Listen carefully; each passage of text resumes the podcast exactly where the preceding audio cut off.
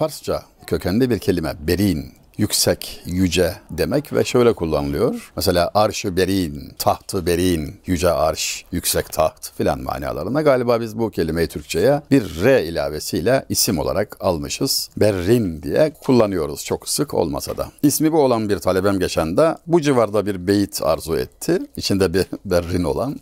Dedim ya berrin kelimesi bizim düzelttiğimiz veya bizim bozduğumuz şekliyle kullanılıyor. Aslı berin. Çok esaslı bir beytin yeri geldi. Yani bir hayra vesile oldu işin doğrusu. Şair Fevri merhum, Fevri 16. yüzyıl. Fevri davranmak, aniden parlayıp kızmak, çok celallenmek filan gibi belki hatırlarsınız. Nedense seçtiği mahlas bu. Mısralarında da şiir tarzında da bu edayı görüyoruz. Hakikaten fevri bir adam. Kanuni zamanında şair çok. Hepsi de birinci sınıf olmak üzere, çok etkili olmak üzere şair çok. Bunu bir üniversitede, Gazi Üniversitesi'nde konferans sırasında görmüştük. Ben değil de dinleyen talebelerden biri tespit etti. Ben rastgele hatırıma gelenleri irticalen veya doğaçlama denir ya biçimde konferansımı verirken o not almış. Kendisinden beyitler okuduğum şairlerin her biri için de doğum vefat yılları bildiğimiz kadarıyla, belli oldukları kadarıyla en azından yüzyıl itibariyle ifade etmişiz ve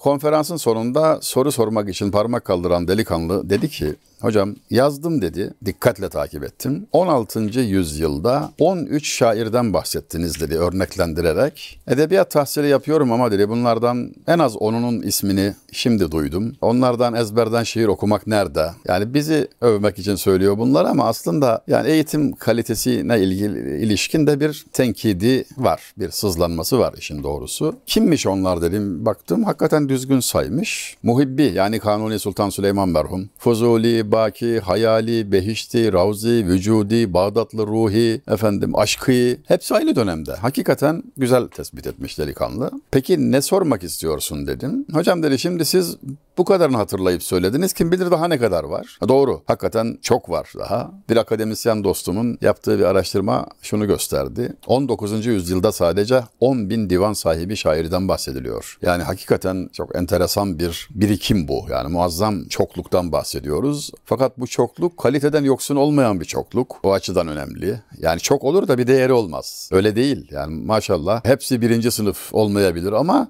yani bir dönemde bir yüzyılda siz ülke sınırları içinde 10 bin divan şairi yetiştiriyorsanız bir durup düşünmek lazım. Yani neler oluyor filan diye. Hocam dedi edebiyat tahsili yapıyoruz ama onları tanımamız bu kadar sınırlı, hazin. Neden dersiniz dedi. Şimdi sahnede yüzlerce öğrencinin karşısında cevap verirken öyle çok fazla rahat olmuyorsunuz, olamıyorsunuz. Ben de dedim ki yani o dönemde Shakespeare'den başka böyle ismi dünyaya yayılmış kalbur üstü şair galiba İngilizlerde yok. Bir Shakespeare var. E, o yüzden tek isim olunca da ezberliyorlar gayet normal. An itibariyle İngiltere'de bir liseden Shakespeare'i okuyup anlamadan mezun olamazsınız. Şöyle bir şey anlatırlar. Devleti yöneten adam, başbakan mevkiinde olan adam krala hesap verirken, onunla istişare ederken kral hazretleri diyor sömürgeleri elden çıkarmak ile donanmadan vazgeçmek durumunda kalsanız tercihiniz ne olurdu? Sömürgeleri gözden çıkarırdım. Çünkü donanmamız varken yeni sömürgeler elde edebiliriz. Ama sömürgeler bize bir donanma vermez demişti. İkinci soru İngiltere mi donanma mı? İngiltere'miz varken donanma yapabiliriz ama donanma bize bir İngiltere kazandıramaz. Tercihim İngiltere'den yana olur. Son soru Shakespeare mi İngiltere mi? Shakespeare der. Çünkü eğer Shakespeare'imiz varsa İngiltere olur. İngiltere bir Shakespeare daha veremez. Yani meselenin önemini kavramak, değerini anlamak o kadar kolay değil herhalde. Dönelim bahsimize. Fevri'den isteğe uygun olarak Berin ismine uygun şu beyti yazıp da verdim ayrıca yani kitabı imzalayıp yazıp verdim hatıra olsun. Çok sevindi talebemiz. Şöyle diyor Üstad merhum. Deri şaha tenezzül etmeziz zira niyaz için bizim arş-ı berinden yüce bir dergahımız vardır. Sultanın kapısına gitmeye tenezzül etmeyiz. Niyaz için, bir şey istemek için, talepçi olmak için gitmeyiz, tenezzül etmeyiz diyor. Eğer oraya tenezzül etmiyorsa, sultanın kapısına tenezzül etmiyorsa çok yüksek bir yerde olması gerektiğini zaten hissediyorsunuz. Nitekim ikinci mısrada bizim arş-ı yüce bir dergahımız vardır. Arşın üstünde, arştan yüksek bir dergaha mensubuz diyor. Meselenin daha iyi anlaşılması için aynı şiirde birinci beyte de bakmakta fayda var. Gedayız şaha baş dili agahımız vardır. Fakir isek ne gam beyler gani Allah'ımız vardır. Şimdi şu söyleyişteki eda, haşmet hakikaten insanı çok etkiliyor. Dilenciyiz, hiçbir şeyimiz yok. Gedayız, şaha baş dili agahımız vardır. Sultana tenezzül etmeyen uyanık gönlümüz vardır. Dili agahımız vardır. Fakir isek ne gam beyler, gani Allah'ımız vardır. Fakiriz tamam ama en zengin olan, ganiyi mutlak olan Allah'ın kuluyuz. Gani Allah'ımız vardır. Aynı dönemde yaşayan Hayali Bey isimli çok etkilendiğim bir şair. Diğer adı Bekar Memi. Hayali Bey çok özel bir adamdır. Buna nazire olarak şöyle söylüyor. Bizi bir kez sanıp ey gam, yok etmekten hazer kıl kim, cihanı yok iken var eyleyen Allah'ımız vardır. Ne zillet vermeye ragıp, ne devlet hahımız vardır. Ko gayrı gayra yar olsun bizim Allah'ımız vardır.'' Bambaşka bir eda ama yani gördüğünüz gibi hiç de aşağıda kalmıyor. İki beytte söyledikleri kısaca günümüz Türkçesiyle ne zillet vermeye ragıp ne devlet hahımız vardır. Ko gayrı gayra yar olsun bizim Allah'ımız vardır. Birilerini indirmek gibi bir derdimiz de yok. Yükselmek gibi bir kaygımız da yok. Bırak başkaları başkalarına dost olsun, yar olsun. Kim kiminle isterse bulunsun bizim Allah'ımız vardır. Diğer beytte ise gamma hitap ediyor. Yani bu günümüzde çok alışık olmadığımız bir şey. Bir mücerrede bir soyut, soyut bir kavrama, gama hitap ediyor. Hani rasih yapmıştı ya bunu. Dilde gam var şimdilik lütfeyle gelme ey sürur.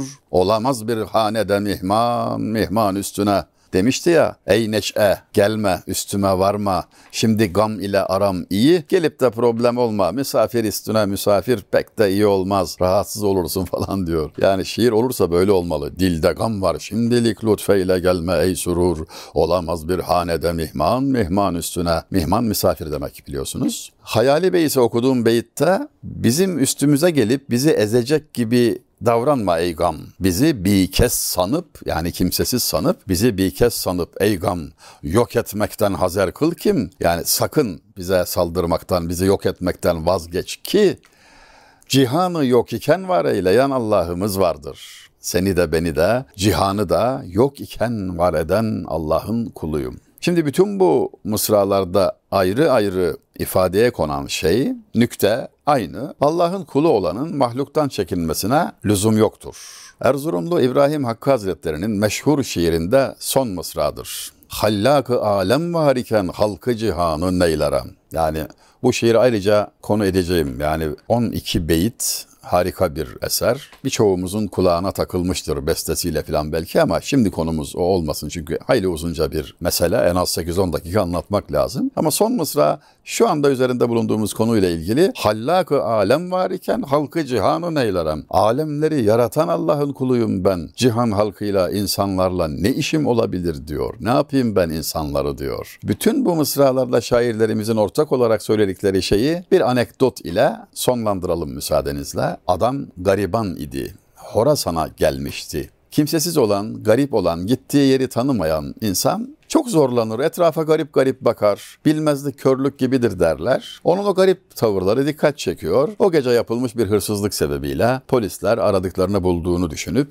onu içeri alıyorlar. Herhalde bu hırsız olsa gerek, çok şaşkın dolaşıyordu diye. Halbuki hiçbir alakası yok. Gariban. Cezaevinde de habire ağlıyor. Kul Allah'a karşı öyle olmalıdır ki kundaktaki çocuğun annesine sığındığı, ağladığı gibi kul Allah'ına karşı öyle olmalı. Derdini Allah'a arz etmeli, ona ağlamalı. Gece ağlayıp gündüz gülmeli her zaman söylediğimiz gibi. İçi ağlayıp yüzü gülmeli. Adamcağız gariban ağlayıp dua ediyor. O gece şehrin valisi üç defa üst üste gördüğü rüyanın tesiriyle ödü patlıyor. Çünkü üstüne yürüyorlar, tahtını ters çeviriyorlar, tacı bir tarafa gidiyor, kendi bir tarafa, taht bir tarafa. Her defasında kalkıp la havle diyor, abdest alıyor, namaz kılıyor ama bir türlü kurtulamıyor korkudan. Ard arda üç defa aynı rüyayı görmek de boş olmaz diyor. Bir sebebi, bir hikmeti olmalı. Zindancı başını çağırıyor. Çünkü nezarethane evinin altında, konağının altında valinin. Sorup öğreniyor ki o gün bir gariban gelmiş, secdeye kapanıp dua ediyor, içli içli ağlıyor. Çağırtıyor onu, tanışıyorlar, durum anlaşılıyor ve özür diliyor, helallik istiyor. Arkadaşlarımız yanlışlıkla seni almışlar. Kasıt yok ama maalesef bir hata var. Şu an itibariyle serbestsiniz, misafirimsiniz, başımızın tacısınız, hakkınızı helal edin, bizi bağışlayın. Anamdan miras kalan şu helal parayı da lütfen hediye olarak kabul edin. Gönlünüzü almak için naçiz hediyedir. Hazineden olsa almazsın bilirim ama bu dediğim gibi anadan miras yüzde yüz helal ve başınız sıkışırsa lütfen bize gelmekten geri durmayın. Şehrin valisi acizane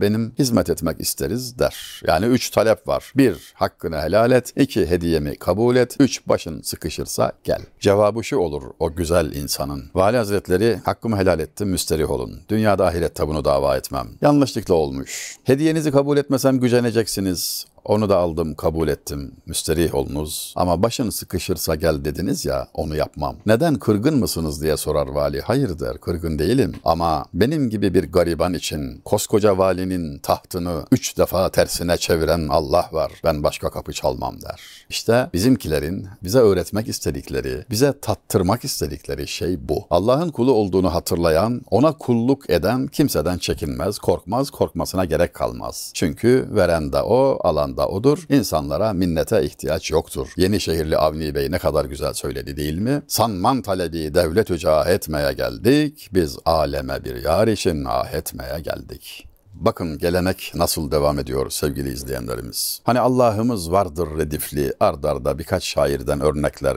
verdik. Toplam dört beytte aynı redif kullanılmıştı. Allah'ımız vardır. Her zaman söylediğim gibi Türk redifi buldu, şiiri buldu. Yahya Kemal merhum öyle demiş. Redif üzerine inşa eder. Aynı redifle 20. yüzyılda Abdurrahman Şeref Güzel yazıcı merhum 1978'de vefat etmiş olan eski İstanbul müftüsü Muhteşem Divanı'nda bakın aynı redifle ne söylüyor? Şeref varsın çok olsun zalimin bidadu isyanı, bizim de bir aziz zu intikam Allah'ımız vardır. Aziz, zu intikam Allah'ımız vardır. Bu bir ayetten iktibastır. Azizun zuntikam buyuruyor Cenab-ı Hak ayeti kerimede. Aziz olan, intikam sahibi olan, mazlumun hakkını yerde bırakmayan Allah'ımız vardır. Bırak zalim elinden ne geliyorsa yapsın diyor. Geleneğin devamı işte böyle cereyan ediyor sevgili izleyenlerimiz. Biz bunu yakalayabildiğimiz, hissedebildiğimiz, tadabildiğimiz ölçüde hayatımızı zenginleştirecek ve güzelleştireceğiz.